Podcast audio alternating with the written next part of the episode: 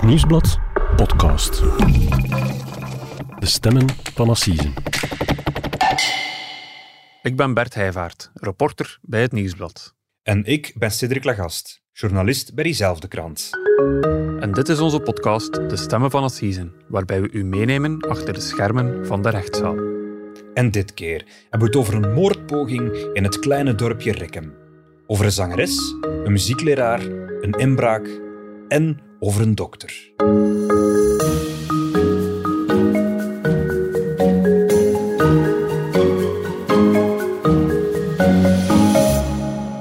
Dag Cedric.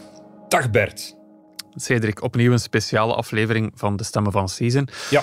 Want we nemen deze podcast opnieuw op van op uh, verplaatsing, dit keer vanuit Tongeren. Je hebt de hele dag doorgebracht in het verre Tongeren, in de rechtbank daar, Ja. voor een wel zeer opmerkelijk proces. Ja, dat klopt. Het gaat over een, een correctioneel proces, een strafproces in de correctionele rechtbank van Tongeren. Eh, er, is een hele dag vooruitgetrokken. Dat proces heeft hier de hele dag geduurd. En het draait allemaal rond een passioneel verliefde vrouw. En het gaat over de moordpoging op de vrouw van een muziekleraar in dus het kleine Limburgse dorpje Rekkem. Maar het is dus geen assisezaak, als ik het goed begrijp. Nee, het is een correctionele zaak, want het gaat om een moordpoging.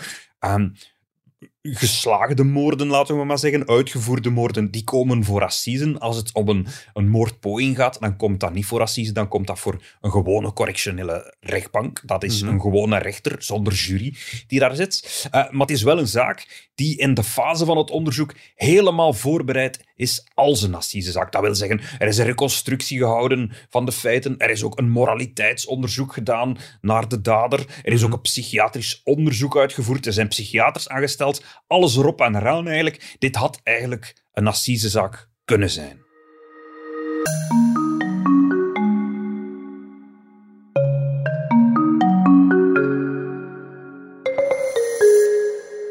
Cedric, je hebt me al heel benieuwd gemaakt. Een moordpoging in Rekem, die draait rond liefde. Vertel eens, wat is er daar juist gebeurd? Wel, het begint allemaal vroeg in de ochtend op 29 mei 2019, op een woensdag. En we zitten dus in een woning in het Limburgse Rekem. En daar ligt een vrouw te slapen. Snejana heet ze, een 46-jarige vrouw. Ze ligt op dat moment in haar bed te slapen. Ze is alleen thuis. Haar echtgenoot en haar dochter die zijn al vertrokken. En zij slaapt nog uit. Ze slaapt ook met oordopjes in. En plots, plots schrikt ze wakker omdat ze voelt hoe iemand een hand over haar mond legt. Ze voelt iets op haar mond. En het is eigenlijk een, een doek die over haar mond wordt geschoven. Een doek die, die koud aanvoelt en die een hele sterke geur heeft. En het is de geur van ether, zal ze later beseffen. En als ze haar ogen open doet, ziet ze een in het donker geklede persoon over haar heen gebogen staan. Dat is enorm schrikken, neem ik aan. Dat is eigenlijk een scène uit de films. Ja, op het ene moment lig je te slapen in je bed en op het andere moment word je ineens wakker, ligt er een hand op je mond en staat er iemand eh, over je heen gebogen. Het is iemand die helemaal in het zwart is gekleed, heeft een, een zwarte hoodie aan, Bert. Dat is zo'n eh, een, een pul met een kap Ja. aan en die kap is Ja, over ja. het hoofd getrokken. En die persoon heeft ook latex handschoenen aan. En in, het ene, in de ene hand heeft die aanvaller dus een doek met ether vast en in de andere hand heeft die aanvaller een spuit vast. Een dokterspuit zo. Ja, Ja. En, en ja, die vrouw schrikt enorm natuurlijk. Hè. En ja, ze springt terecht en ze begint eigenlijk aan een gevecht voor haar leven. En ze is zelf kwaad, heeft ze in de rechtszaal verteld. En het eerste wat ze doet is zich omdraaien zodat ze eigenlijk ontsnapt aan die doek met ether. Ze draait haar hoofd eigenlijk in het kussen, zodanig dat eh, die aanvaller haar niet meer die eterdoek in haar gezicht kan wrijven. En dan duwt ze haar aanvaller van zich af. Ze grijpt die eigenlijk per schouders en er ontstaat eigenlijk een gevecht in regel. Er wordt aan haren getrokken, er wordt geduwd. Daar is ook nog die spuit die daar nog altijd rondzweeft. Die aanvaller die probeert haar een paar keer te prikken met die spuit, maar dat lukt niet. Ze, ze wordt even geraakt door die spuit aan haar rechterschouder, maar niet echt. En uiteindelijk kan ze zich en ze kan de kamer uitstormen. Ze stormt de trap af naar beneden en, en eigenlijk ze trekt de voordeur open en in haar slaapkleed loopt ze de straat op. En daar, daar passeert net op dat moment de postbode die net bij de overburen de brieven aan het bezorgen is. En ze loopt naar die man en ze, valt hem in de armen en ze zegt help, er is, er is iemand die mij thuis heeft aangevallen. Oké, die vrouw op het nippertje gered, maar ehm, Zit die aanvaller op dat moment nog binnen? Ja, die aanvaller zit op dat moment nog in het huis. En op het moment dat zij daar staat met die postbode, komt die gemaskerde aanvaller ook naar buiten gelopen. En die spurt weg, die slaat op de vlucht. Die wil zo snel mogelijk weg zijn. En er is niemand die die aanvaller nog kan pakken. Nee, het is ochtends vroeg en ja, ik zeg het, we zitten in, in een klein dorp. Er is op dat moment niet zoveel volk Ja. op straat en de postbode die, be- die bekommert zich op die vrouw. Eigenlijk niemand houdt die aanvaller tegen. Nee. Ja. Ik neem aan dat die vrouw op dat moment ook de politie belt.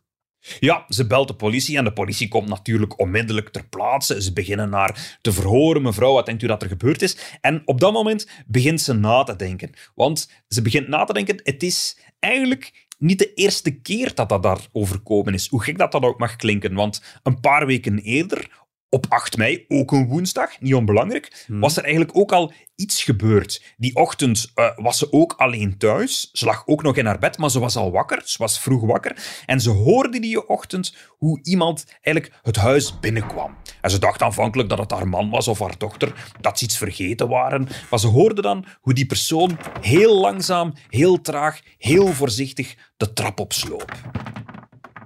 Cedric, ik krijg kippenvel als je dat vertelt, want kan het mij zo voorstellen, als je iemand de trap hoort opsluipen, dan weet je ook wel dat dat niet je man of je dochter is.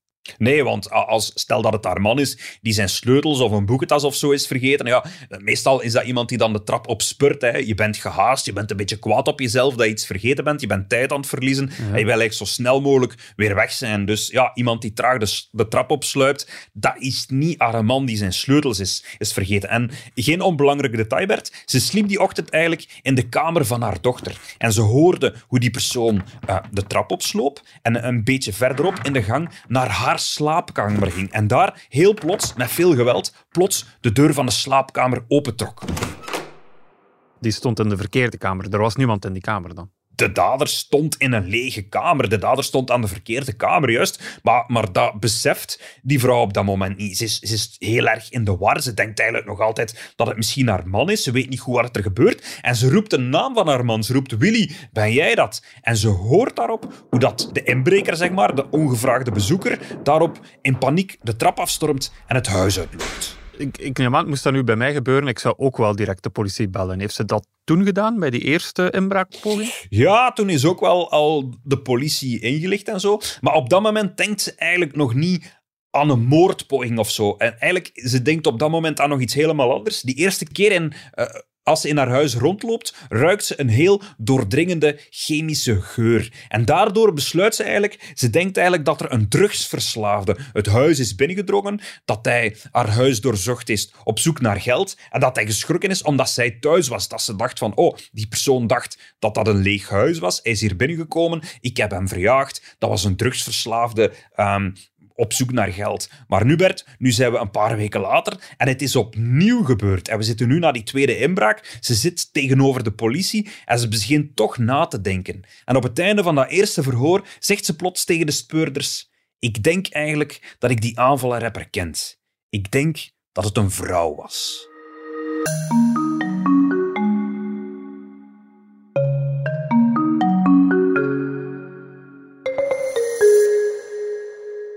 Cedric, een huis in een woonwijk in het rustige Rekem, dat is bij Laanaken. Ja. Ehm, Waar zijn we terechtgekomen? Wie is Sneana? Wie zijn haar man en haar dochter? Wel, we zijn in een eh, eenvoudig huis in Lanaken terechtgekomen. Het is eigenlijk... eh, we zijn terechtgekomen bij een, een, een Limburgs gezin, een muzikaal gezin ook. Want Sneana, eh, de vrouw die we, waarover we net hadden, de moeder, is, ze is op dat moment 46 jaar. Haar naam verklapt het een beetje. Ze is van Russische afkomst en ze is een zangeres. En haar echtgenoot, Willy, die is op dat moment 61 jaar. Dat is ook een muzikant. En hij geeft onder meer les in de muziekschool van Lommel. En ze hebben samen ook een dochter, een tienerdochter. En dat is eigenlijk een, een onbesproken gezin, zoals we het zouden zeggen. Het is een gezin, ja, de dochter zit in de jeugdbeweging. Vader en moeder werken. En ja, ze komen goed overeen met de buren. Het is eh, een normaal gezin. Voilà, zo zou je het kunnen omschrijven. Ja, je zou er niet echt een moordpoging verwachten, eh, op het eerste gezegd. Nee. Ehm, nu, als die vrouw dan zegt tegen de politie van ik denk dat ik weet wie het is, wie bedoelt ze dan? Wel, het koppel vertelt aan de speurders Ehm, goh, dat ze toch al een paar maanden last hebben van een vrouw. Het gaat eigenlijk over een moeder van een, van een meisje, van een achtjarige meisje, die tromboneles volgt bij muziekleraar Willy. En de moeder, dat is een 43-jarige vrouw, die, die, die komt haar dochter altijd naar de tromboneles in een muziekschool brengen. En die blijft dan ook af, altijd even zitten, want het gezin is afkomstig van, van Overpelt. En eh, die muziekles duurt een uur en die afstand is eigenlijk te ver om heen en weer te rijden. En ze blijft dus eigenlijk gewoon ter plekke eh, naar die les kijken. En ze wacht tot haar, tot haar dochter gedaan heeft met de tromboneles. Maar dat gebeurt nog wel, zou ik denken. Allee, dat is toch niet zo... Dat gebeurt nog wel. En, en, maar, maar zo waren Willy, de muziekleraar, en die vrouw eigenlijk een beetje bevriend geraakt. Zo waren ze eigenlijk vrienden geworden. Waarom is er dan een probleem ontstaan? Wel, omdat die vrouw zich een beetje begon op te dringen aan de muziekleraar. Het begon eigenlijk aanvankelijk met een, met een klein cadeautje. Ze gaf hem een cadeautje omdat ze vond dat een goede leraar was. En daarna wilde ze ook eens met hem afspreken. Ze wilde eens iets met hem gaan drinken. En plots begon ze hem ook op te zoeken buiten de muziekschool. Ze nodigde hem eens uit om mee te kopen naar de muziekwinkel. Toen dat ze een trombone voor haar dochter ging kopen. En dan nodigde ze hem uit om samen naar de opera te gaan. En op een dag dook ze ook op aan een magazijn waar dat hij soms bijkluste. En hij omschreef het, de man zelf omschreef het in de rechtszaal een beetje als lichte dwang. Ze hadden vaak contact, ja dat klopt, maar dat was eigenlijk niet zijn keuze. Want zij dook eigenlijk overal op waar, dat hij ook was. En hij begon dat vervelend te vinden. Ja, dat klinkt als... eh, het begint wel vriendelijk en sympathiek, maar het wordt een beetje stalking. Het, het werd ook effectief stalking. Op een bepaald moment heeft hij ook tegen die vrouw gezegd van ik, vanaf nu is het gewoon stalking wat hij doet. Hij heeft in de rechtszaal verteld dat ze soms hem gewoon voor zijn auto ging staan, waardoor dat hij niet kon wegrijden zonder eerst uit te stappen om met hem te, met hem te praten. Ehm, op een paar maanden tijd heeft ze hem blijkbaar 776 sms'en gestuurd. Een tsunami aan berichtjes, noemde een advocaat dat. En die man werd daar eigenlijk bang van. En hij stuurde er ook duidelijk Ja. berichtjes van ik wil geen relatie. En bijvoorbeeld op een avond stormden ze eh, ehm, de, het oudercontact in de muziekschool. Ze stormden daar de zaal binnen, omdat hij al is het had aangedurfd om een paar dagen lang niet meer te antwoorden op haar berichtjes. Wat mij heel logisch lijkt. Ja. Ja, en, en de buren van dat gezin die begonnen ook te klagen, omdat ze zagen dat de auto van die vrouw gedurende vier dagen elke dag in die straat opdook en daar gewoon bleef staan. En ze, ze was eigenlijk gewoon naar het huis van die muziekleraar aan het spioneren, aan het gluren eigenlijk, in de, in de hoop om een glimp van hem op te vangen. Maar die buren, ja, die vonden dat ook akelig eigenlijk. En op den duur... Ze stuurden dan maar berichten en berichten. En die, de toon van die berichtjes, dat werd steeds dreigender. Ja, nu begrijp ik ook wel waarom Snejana, dus het slachtoffer, eh, op een bepaald moment zegt tegen de politie van ik denk dat ik weet wie het is, want ja, er is wel een duidelijke voorgeschiedenis. Ik neem ook aan dat dat genoeg redenen zijn voor de politie om te zeggen van we gaan die vrouw eens een bezoekje brengen. Ja, en ze doen dat ook en ze gaan met die vrouw praten. Maar op dat moment is de persoon van die vrouw toch ook een reden die voor terughoudendheid kan zorgen. Want ze is een onbesproken vrouw, ze heeft een blanco strafblad, ze is moeder van drie kinderen, ze heeft ook een partner, en dat is de vader van haar kinderen eigenlijk. Maar vooral, ze is een arts, ze is een dokter, ze is een arts-specialiste. Ze werkt in het ziekenhuis van Genk op de dienst oncologie als radiologe. Het is een hoogopgeleide vrouw die kankerpatiënten begeleidt. En wat zegt zij zelf eh, over die betichting van moordpoging als de politie haar daarmee confronteert? Wel ja, die vrouw komt totaal uit de lucht vallen. Ze is zelfs een beetje verontwaardigd dat ze daarvan verdacht wordt. En ze zegt: nee, ik, ik, ik ben onschuldig. En ze zegt ook dat ze die ochtend aan het werk was in het ziekenhuis. En, want het was een heel drukke periode in het ziekenhuis en ze moest ehm, extra bijklussen. Ze moest extra vroeg daar zijn. En een, een ziekenhuis, dat is een, moderne, dat is een modern bedrijf eigenlijk. En in een modern bedrijf kan je zoiets makkelijk nagaan. Hè? En dat lijkt ook te kloppen, want ze is die ochtend iets voor acht uur al binnengekomen aan het ziekenhuis. Ze heeft gebadged om binnen te komen met haar badge. Ze heeft daarna ingelogd in het computersysteem. En ze heeft ook met heel veel mensen daar gesproken. Er zijn mensen die nog herinneren dat zij inderdaad die ochtend met haar gesproken hebben. En ook de vrouw heeft een elektrische wagen. En die elektrische wagen blijkt de hele ochtend aan de laadpaal van het ziekenhuis te zijn vastgekoppeld. Dat is een duidelijk alibi. Ja, het lijkt toch alsof dat ze het niet gedaan kan hebben.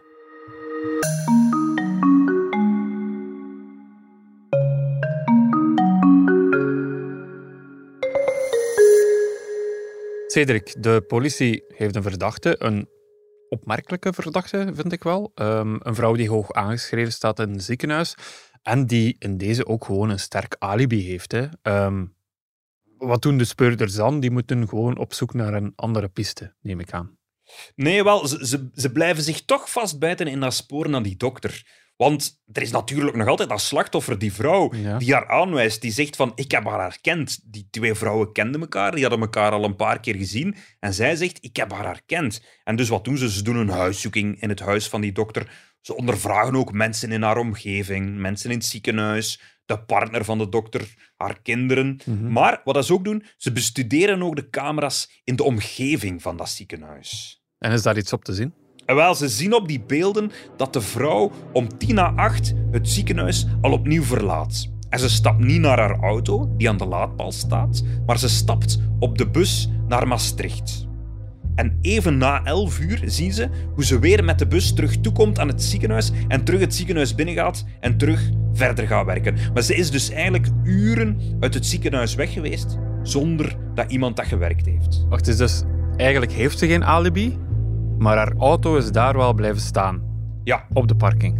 Ja, maar ook op een bus zijn er camera's, Bert. Ze heeft dus de bus genomen, daar had ze misschien niet bij stilgestaan, maar ook op de bus hangen er bewakingscamera's. En met die camera's kunnen de speurders eigenlijk heel haar reisweg reconstrueren. En ze zien ook hoe dat ze zich op de bus omkleedt. Ze doet plots een zwarte pul met een kap aan. En ze zien op die beelden ook hoe ze andere schoenen aandoet. Ze doet mannenschoenen aan. Dat zijn eigenlijk de schoenen van haar zoon, zo zal later blijken. En ze zien ook hoe dat ze uiteindelijk afstapt van de bus vlakbij het huis van de muziekleraar. Ja, alibi valt in het water. Ze wordt opgepakt, neem ik aan.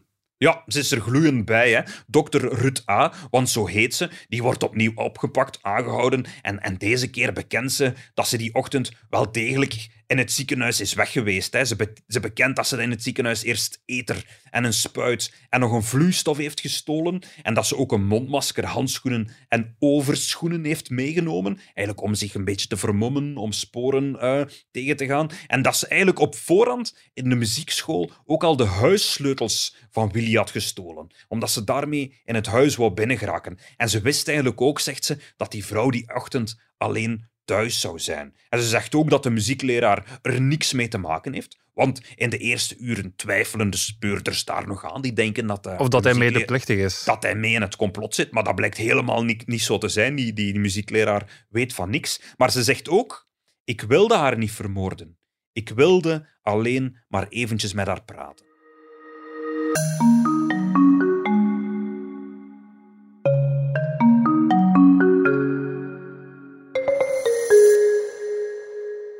Intrigerend wat je daar op het einde zegt, Cedric, want dat betekent dat er op het proces wel degelijk nog veel op het spel staat. Wilden ze haar vermoorden of niet? En dat proces is nu dus donderdagochtend van start gegaan. Je hebt de hele dag dat proces gevolgd. Vertel eens, hoe is dat gegaan? Waarvoor stond ze eerst terecht? Wel, ze wordt voor de rechter gebracht omdat het Limburgse parket wel degelijk denkt dat het haar bedoeling was om haar liefdesrivalen om het leven te brengen. hè. Ze wordt vervolgd Niet voor gewoon praten. Ja. Nee, ze wordt vervolgd voor een dubbele poging doodslag met vergiftiging als verzwarende omstandigheid. Een gifmoord dus eigenlijk. En ze wordt daarnaast ook nog vervolgd voor diefstal van spullen uit het ziekenhuis, de diefstal van de huissleutels, woonstschennis, was is zomaar een huis binnengegaan, en de belaging van de muziekleraar natuurlijk. Ja, en op een assiseproces, normaal gezien begint dat altijd met het verhoor van de beschuldigde. Was dat nu ook zo? Ja, absoluut. Een assiseproces begint normaal altijd met, het, met een verhoor. Hier is het een gewoon correctioneel proces. Maar het is ook begonnen met een heel lang, heel ehm, kritisch verhoor eigenlijk van die vrouw zelf. Die voorzitter die had heel veel vragen eh, voor de dokter.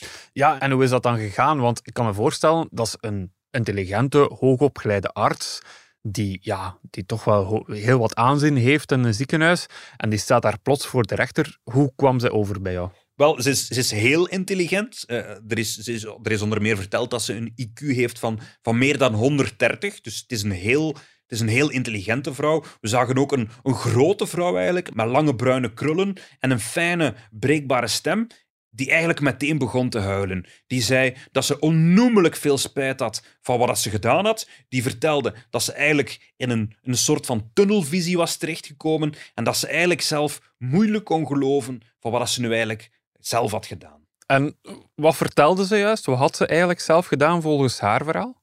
Wel, ze zegt dat ze dus ehm, gevoelens heeft gekregen voor muziekleraar Willy gevoelens die niet beantwoord werden. En, en toen de muziekleraar uh, haar dat in, in juni 2018 duidelijk maakte en zei dat zij mij rust moet laten, dat kon ze dan niet aanvaarden, zijn ze. Ze dacht eigenlijk vooral dat het de vrouw was van Willy die hen in de weg stond.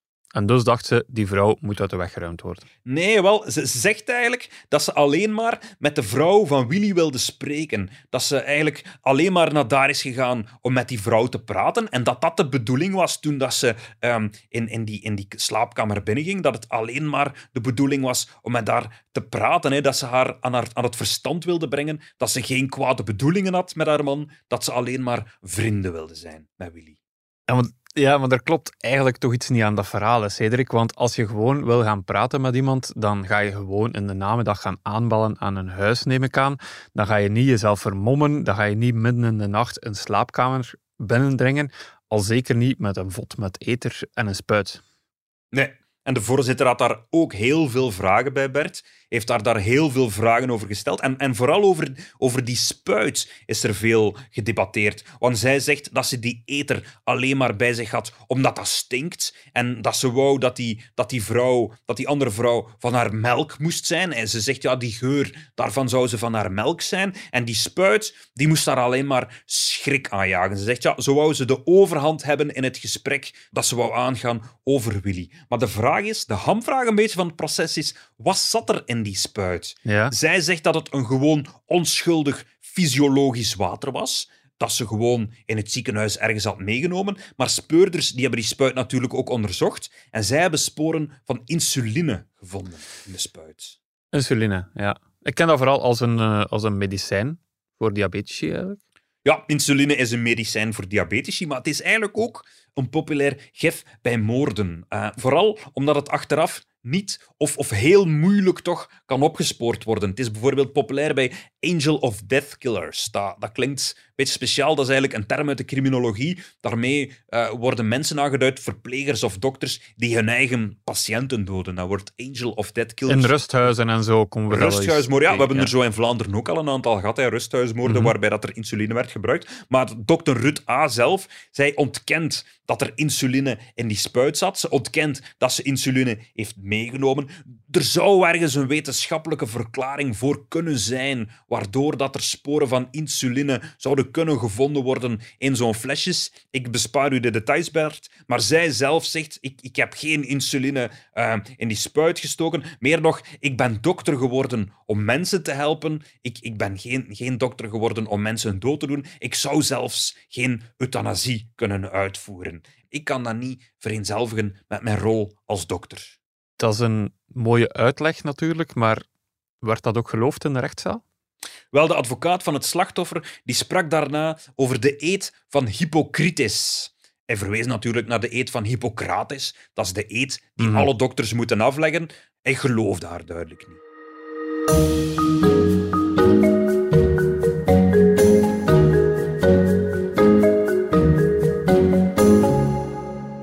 Cedric, uiteindelijk heeft het proces maar een dag geduurd. Een proces voor moordpoging, zoals je daarnet zei.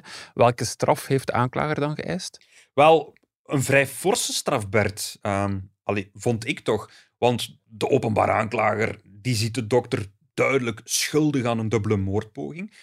Ze ziet enkele verzachtende omstandigheden, bijvoorbeeld dat de dokter een blanco strafblad heeft, dat ze altijd een zeer uh, bekwame, behulpzame dokter is geweest. En ook dat ze spijt heeft betoond aan de start van het proces. En dat ze eigenlijk sinds de start van het onderzoek uh, goed heeft meegewerkt met het onderzoek. Uh, maar toch, de feiten van de moordpoging die wegen duidelijk door. En ze gelooft eigenlijk niet dat de dokter haar les geleerd heeft en dat het niet nog eens zou kunnen gebeuren. En daarom vroeg ze 12 jaar opsluiting en 10 jaar ter beschikkingstelling voor de dokter. Dat is een stevige strafeis. En ik kan me inbeelden, ja, als je het verhaal van de dokter hoort, dat ze het daar niet mee eens is. En vooral dat haar advocaten het er uh, niet mee eens zijn. Nee. En haar advocaten, dat zijn Sven Marie, vorige week nog actief als de advocaat van de vader van Sandadia op het proces over de reuzengommers. En Natasha Ja. Bilin, dat is ook een bekende Limburgse strafpleiter. En Sven Marie, Mhm. die probeerde eigenlijk uit te leggen wat die vrouw bezield had. Hij legde uit dat ze eigenlijk een, een topradiologe was, die al 30 jaar lang samen was eh, met haar echtgenoot. En dat ze een goede dokter was, een goede moeder ook, maar toch ook iemand die plots de pedalen was kwijtgeraakt als een verliefde puber, zo werd gezegd, omdat ze geen respons kreeg van een 18 jaar oudere man op wie dat ze radeloos verliefd was. En ze was overtuigd dat ze Willy moest redden van zijn vrouw, zei Marie. En er zijn uiteindelijk zeven psychiatrische rapporten opgesteld over de dokter. Dat is opmerkelijk, Bert. Dat is veel. Dat is heel opmerkelijk, want eh, op een correctioneel proces wordt er eigenlijk zelden nog een, een, een, een psychiatrisch rapport opgesteld. Is meer iets voor een assisezaak. En hier zijn er zeven van die rapporten opgesteld. En die waren eigenlijk allemaal zeer positief over de dokter. En hij vroeg zich uiteindelijk af of 12 jaar cel, of dat wel de straf is waar de samenleving mee gebaat is. Ze is geen drugsdealer, ze is geen gangster die op agenten schoot. En dat zijn allemaal mensen, zo pleit hij, die in diezelfde zaal al een veel lichtere straf hebben gekregen dan, dan die 12 jaar cel. Ja, wat Marie wil zeggen is, ze is geen gevaar voor de samenleving. Waarom zou je die opsluiten? Meer nog, ze is een gewaardeerde dokter en ze kan als dokter misschien nog wel een zeer waardevolle rol hebben voor de samenleving. En de andere advocaat, Natasha Bielen, die pleitte dan weer dat er eigenlijk geen sprake kon zijn van een moordpoging. Want de eerste keer, die eerste ochtend op 8 mei, Bert, toen was ze eigenlijk op haar stappen teruggekeerd. Mhm. En de tweede keer, de tweede keer dat ze wel in de slaapkamer binnenging, dan was er eigenlijk geen intentie om te doden. En ze haalde daarop een piepklein spuitje boven. En dat was het soort spuitje eh, dat gebruikt was door de dokter op het moment dat ze daar in de slaapkamer stond. En de boodschap was eigenlijk, zo'n klein spuitje, de inhoud daarvan, dat kan niet dodelijk zijn. Zelfs als dat spuitje helemaal gevuld is met insuline, daar, daarvan zou, zou die vrouw nooit gestorven kunnen zijn. En daarom noemden ze het een ondeugdelijke poging. Dat is wel een opvallend pleidooi, vind ik. Want allee, een ondeugdelijke poging, eigenlijk zeggen het is geen geslaagde poging, het had nooit kunnen lukken, dus het is per definitie geen moordpoging. Is dat een argument? Dat is zeker een argument. Het komt er eigenlijk gewoon op neer. Stel dat iemand met een pistool voor iemand staat waar geen kogels in zitten. Ja, die, die persoon kan die persoon ook nooit neerschieten. Dus hij kan ook nooit beticht worden van, eh, van moordpoging. Dat is eigenlijk het argument. En daarom vroegen ze de vrijspraak voor de dokter. En zeggen ze, als er dan toch een straf moet komen, dan zou vijf jaar celstraf onder voorwaarden wel een geschikte straf zijn. Dat zijn heel uiteenlopende eisen. Hè? Ofwel vijf jaar voorwaardelijk, ofwel twaalf jaar effectief. Ja, je hebt nu de hele dag in die rechtszaal gezeten, Cedric. Welke kant denk je dat het eh, zal uitgaan? Dat is altijd heel moeilijk in te schatten, Bert. Maar als ik zo'n beetje afga op de vragen, op de vele vragen die de voorzitter gesteld heeft in de zaal, dan denk ik dat, dat het toch heel veel van de inhoud van de spuit zal afhangen. Wat zat daarin? Was het nu een onschuldig fysiologisch water of was het toch insuline? Hij heeft daar heel veel vragen over gesteld en ik denk dat hij in die paasvakantie heel aandachtig nog eens alle rapporten van alle experten zal nalezen. En dan een besluit zal nemen op basis van wat hij denkt dat er in die spuit zat. Oké, Cedric, heel intrigerende zaak. Ik ben ook heel benieuwd wat uiteindelijk de uitspraak zal zijn eh, op dit proces. Wanneer is die uitspraak juist? Wel, de uitspraak wordt verwacht op 27 april. We volgen het uiteraard op in onze podcast en ook via onze Instagram-pagina. En op onze site van het Nieuwsblad, op, in de app en in de krant. Ehm, wij gaan er ondertussen wel twee weken van tussenuit, Cedric, want het is paasvakantie. Ja, en in de paasvakantie dan eh, zijn er ook geen rechtszaken, of toch geen assiseprocessen. Oké, dus wij wensen vooral aan alle luisteraars een prettige paasvakantie. En wij zijn er binnen twee weken terug. En jij ook al. Absoluut, tot binnen twee weken, Bert. Dag Cedric. Dit was De Stemmen van Assisen, een podcast van het Nieuwsblad. De stemmen waren deze week van Bert Heijvaart en van mezelf, Cedric Lagast. De montage gebeurde door Benjamin Hertogs van House of Media en de productie was in goede handen bij Joni Keimolen.